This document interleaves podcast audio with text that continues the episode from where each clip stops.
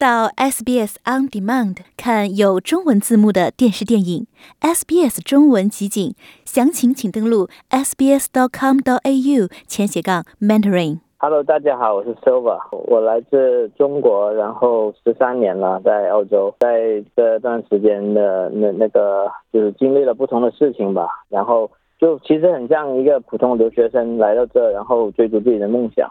然后呢，现在正在进行中，不能说成功了，但是正在进行中，跟大家非常像了。跟我们分享一下你的来到澳洲当初的契机以及学经历。二零零六年，在这之前一些就是两年的时候，在读大学的时候，在国内就有想过要出来，然后其实就是跟很多人一样，非常的普通，就是来这里求学，然后能够能获得一个不一样的未来吧。就是其实就是抱着这个。这个想法来了，你说说，呃，将来会怎么样？其实当时真的没有多想。然后呢，来到这之后呢，就一样是就是一个信息技术的一个那个学位嘛。然后当时是怎么想的，也不是非常清楚的记得，但是只是想着啊，我只想说，如果能够留下来最好。然后呢，在这里找份工作，能够在这里稳定下来。其实这。是我当初的想法，然后我还还是那句话，跟大家没有什么区别的。那的确，很多留学生都很想留下来，而你的确成功的留了下来。在澳洲的十三年当中，你经历过哪些身份的转换？从留学生，然后到了一个叫做无业吧，然后到就业，然后呢？到创业，呃，这算是一个不同身份的转变了。然后从学生，然后到了一个 IT 的从业人员，呃，做了大概可能八年左右。然后呢，从二零一五年的时候呢，回到自己的那个学校 Monash 进行就是教书。然后呢，在这里面发现了一些商机，然后就开始创业。在二零一六年的时候，这段路途当中哦，也就是你在澳洲职涯。跟我们分享一下遇过哪些印象是比较深刻的挑战，以及你自己是如何去克服他们。挑战啊，挑战特别多啊！我我觉得挑战特别多，每一好像每一天都有挑战。在学呃在念书的时候，就是挑战说怎么样交作业嘛。这是一个我觉得很多留学生的一个问题，因为本身来自一个非。英语的国家嘛，然后不是母语啊，这是一个非常大的挑战。当然能过来就说明说，呃，可以开始学习。但是这个过程中遇到的是，实在是不知道怎么去学习吧，应该是这样来说。嗯，不知道怎么样去学习，它是一种新的方式，非常的开放。然后呢，没有太多的管制，所以说很很容易就是说把时间就浪费了。你可以自由的去做你自己想做的事情，其实这也是一个好事。但是同时对一些像特别是刚来到这里的学生的时候，非常的不适应，所以这是我觉得在学生时代的时候的一个非常大的挑战。但当然，最后还是啊把作业交上去了嘛，对不对？这也是我们很多学生的一个锻炼出来的一个能力嘛。我们说叫做呃 last minute，对不 对？啊，然后呢，到了还没有进入职场的时候，不能说到了职场，到还没有进入职场的时候，我觉得。对，毕业的时候，这个时候其实遇到的挑战，我觉得不能说是最大的，就是之后还会遇到更大。但是我觉得那个时候对于刚一个毕业生来说，遇到的是一个非常大的冲击，因为我当时毕业的时候是金融危机嘛。二零零八年，其实也并不能说是一个非常好的时机去毕业了。当然，当我回想到那个时候，其实不能说去怪这个环境，因为很多时候我自己看待自己的时候，有很多东西我可以做得更好。就是特别是在我学生时期的时候，就是没有做太多的准备，所以说我觉得这个挑战特别大。我花了一年多的时间吧，去找到我第一份工作，所以。找到找到差不多两百多份工作，非常的不知道该怎么去做了啊！那个时候无从下手吧，这个是找工作的挑战。然后呢，还有更多的挑战是到了职场，到了职场以后呢，就不知道怎么样去新，又是新的环境，没有人教的，这里就其实缺乏很多，缺乏这一块，就没有人教你应该怎么样去跟别人打交道了，怎么样去跟同事相处了，怎么样去表达你自己了，怎么样去 social 了，怎么去社交。这些东西的话，其实也是在不断的学习，也不断吃了很多亏了，对。然后呢，到了现在的话呢，作为一个创业者，其实每天都遇到不同的挑战。当然，回想到过去的话，其实这个也是这样过来。其实讲一句，就是说总结的话来说，就每天都是挑战，也习惯了。说吧，我问一句哦，你呃。在澳洲的求职跟职场经验，是你人生第一次正式踏入职场吗？还是之前在中国国内也有过出社会的经验？非常少了。嗯嗯，对，有一些实习，但是很少，基本上。我可以说是忽略不计了，就是对于对对比起应该真正进入职场，比如说老江湖来说，其实我会认识 Sova 是透过 Sova，刚他说他是一个创业家，我其实参加过他创立的他的公司所举办的一些活动，是辅导留学生就业等等的。我其实很好奇，Sova，你其实具备了 IT 的专业背景，为什么？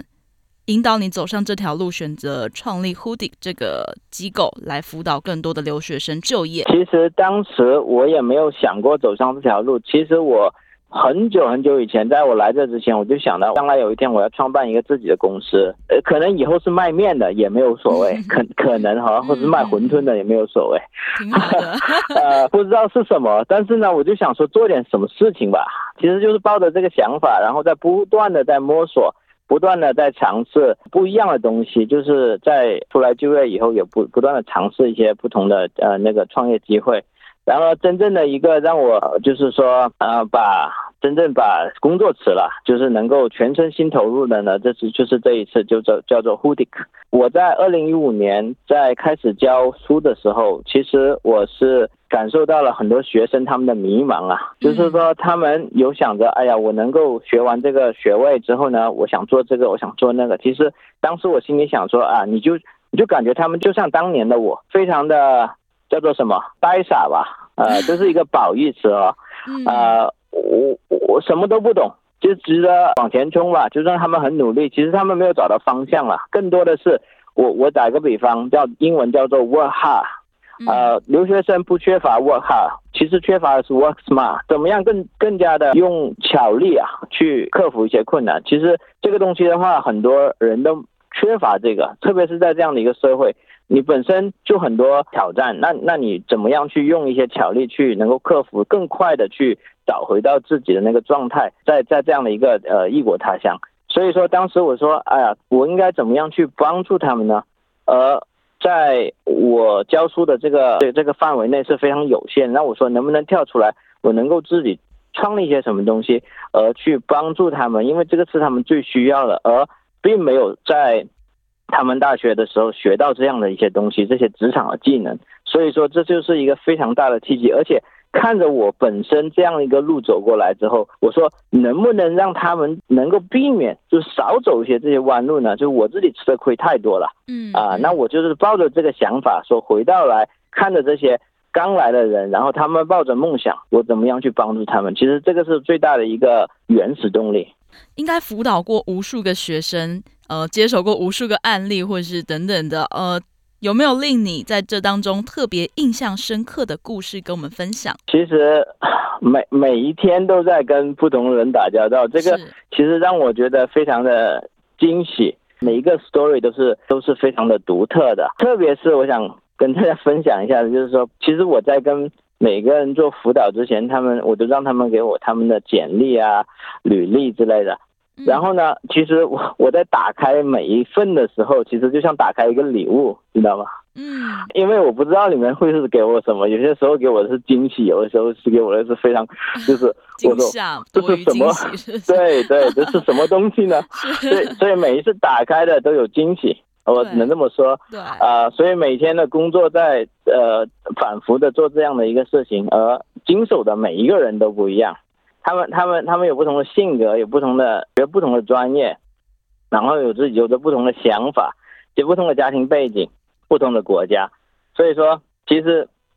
他们他们来到这里就是为了自己的一个目标吧，然后呢如何去实现它，而而最终来然后通过我们这样的一个辅导，能够帮他们助推吧，能能够这么说。至于啊，Janice 刚才问的就是说那个有一些什么非常。特别非常特别的事情可以分享一下的，就是说，特别是有一些学生，他们可能就是可能是一个分类这样子讲了，因为嗯太多了，对，比如说很多的很多的，就讲华人学生嘛，我觉得特别大的一个问题，而我觉得这样一种分类的话，可能比较合适，就是说他们可能更多的是去就是把他自己局限在了一个自己的那个圈子里，这个对他们整一个的这个就业的那个发展特别特别的不利。嗯啊，因为因为很多，比如说有华人跟我说啊，Silver，我们能不能用普通话交流？其实其实为什么不可以呢？因为我可以讲普通话嘛，他也可以讲普通话。其实这种是母语交流，这种是无障碍交流嘛。是，而其实我很多时候呢，我是跟他建议说，我说能不能用英文？因为本身我每天用英文的，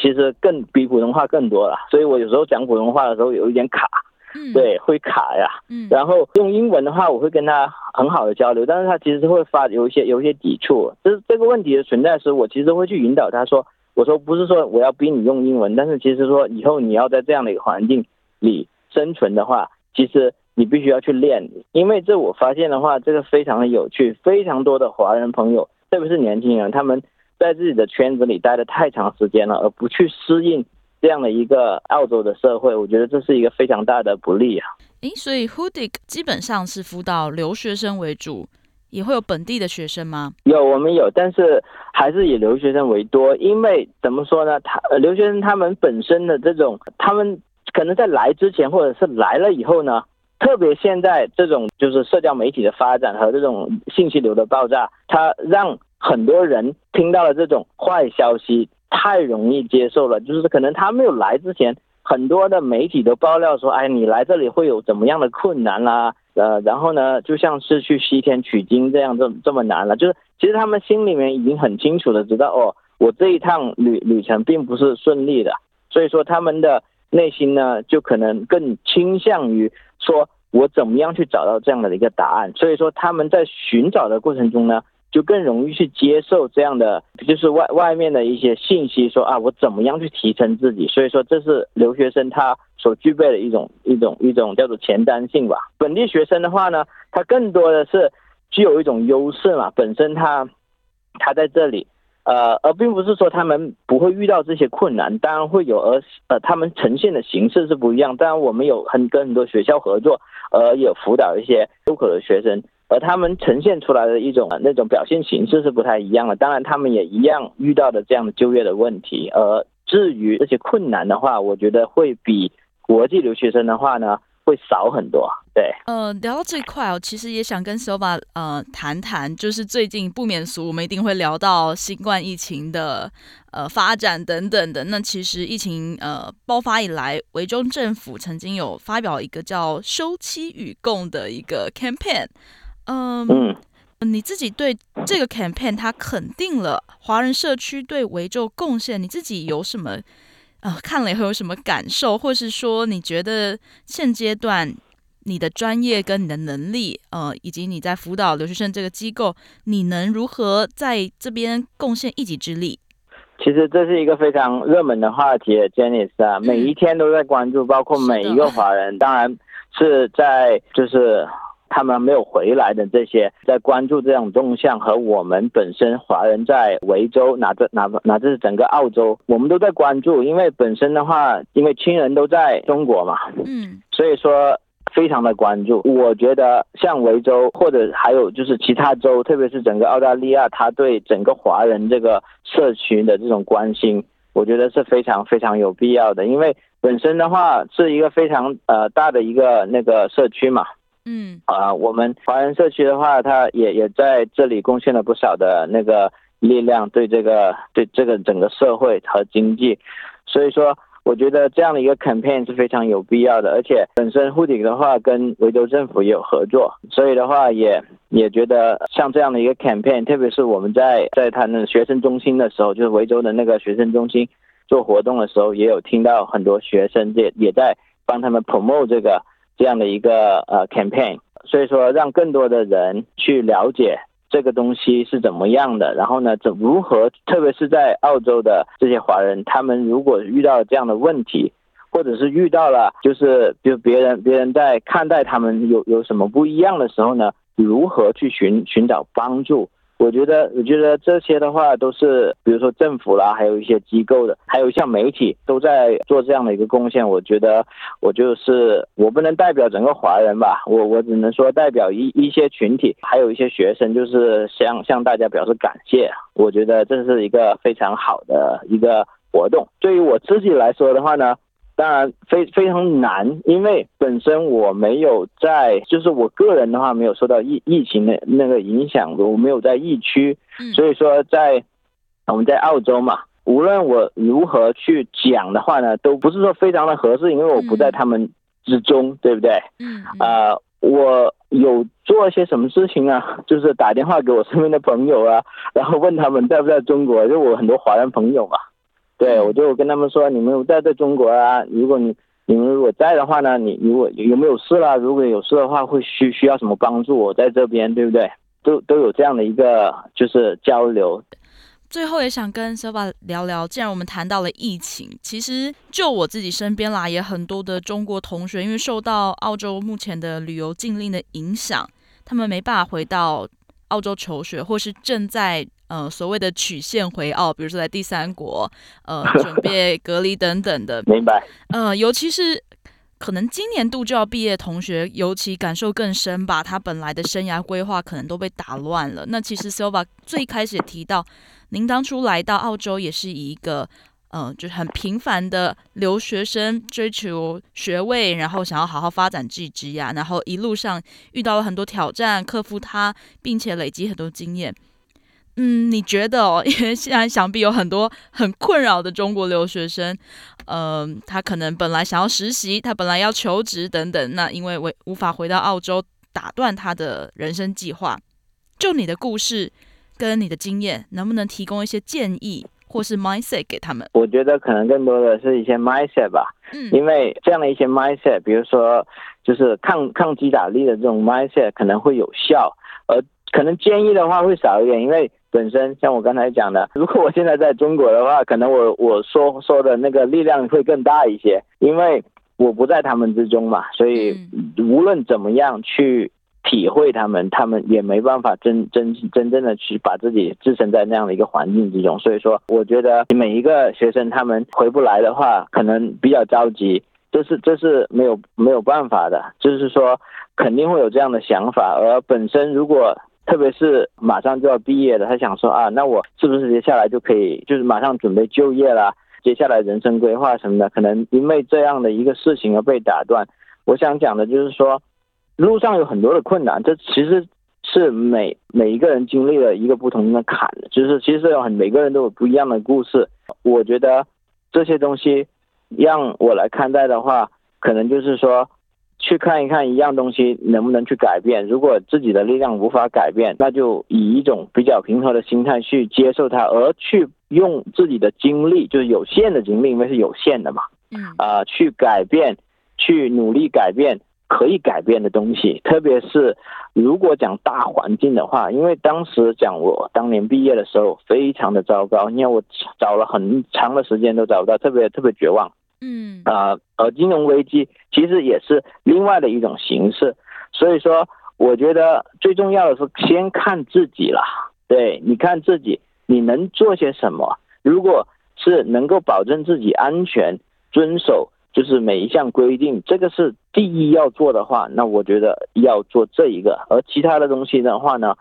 我之后会有解决的。我觉得这个是非常关键，能够按照规定去保证自己的。安全，然后呢？如果在有精力的情况下呢，再去想一想，OK，那我应该做些什么事情？而而不是说你没有完成你的学业，你就不能去准备你将来的就业。这个我觉得是不冲突的。所以说，你只要是有精力的情况下呢，去努力去学习或者去改变能够改变的东西，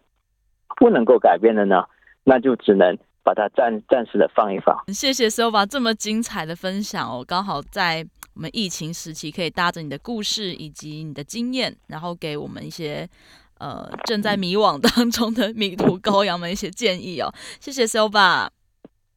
希望能帮到大家，谢谢。想在 SBS 当一回影评人吗？SBS On Demand 正在推送配有中文字幕的热门影视作品。您只需观看一部或以上影视作品，并把影评观后感发给我们，就有机会赢得一份 SBS 精美礼品。